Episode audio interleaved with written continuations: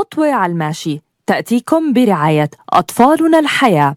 خدمات ومشاريع نوعية وملائمة لأهالينا المقدسيين وأطفالهم. في جيل الطفولة المبكرة نقدمها لكم من خلال قسم الطفولة المبكرة وصفحة أطفالنا الحياة على مواقع التواصل الاجتماعي.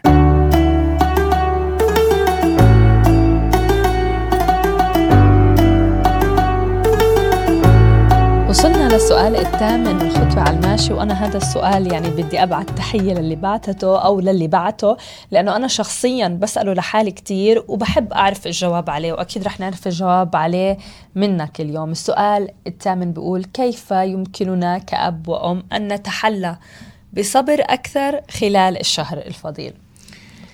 الجواب هو كالتالي.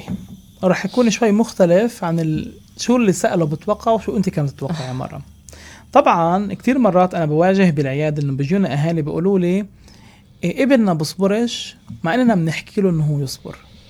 فأنا بدي آجي أقول إنه إذا طفلك أو ابنك ما عم بيقدر يصبر علشان الحكي ما بيأثر فيه كتير. فشو الحل حسب رأيك إنه أنت تتحلي بصبر أكثر خلال الشهر؟ شو الحل؟ أنا بقول إنه بالأساس ترفع الوعي الذاتي تبعك لتصرفاتك معنى إنه تقدري تديري عندك ورقة أو نموذج أو حتى على التلفون. اللي بيقول كالتالي كم من مرة اليوم مثلا فقدت سيطرتي على الأطفال؟ كم من مرة عصبت؟ إذا أنت بتبدي تعملي هاي الطريقة أو بتبدي تقولي قبل ما أنا بدي أجي أحكي أو أجاوبه خليني أوقف أفكر أخذ أطلع نفس. وبعدين أنفذ. فأنا هون بقول زي ما بقول للأطفال جربوا جيبوا أي وسيلة بصرية أو ملموسة يلي تخليكم من جهة بس بدكم تيجوا تجاوبوا تفكروا فيها تطلعوا فيها قبل ما تطلعوا الإجابة بالإضافة لهيك إنه كيف أقدر أتحلى بالصبر؟ ما أطلب منهن أشياء اللي أنا بعرف إنه هي صعبة عليهم ينفذوها خلال الشهر الفضيل.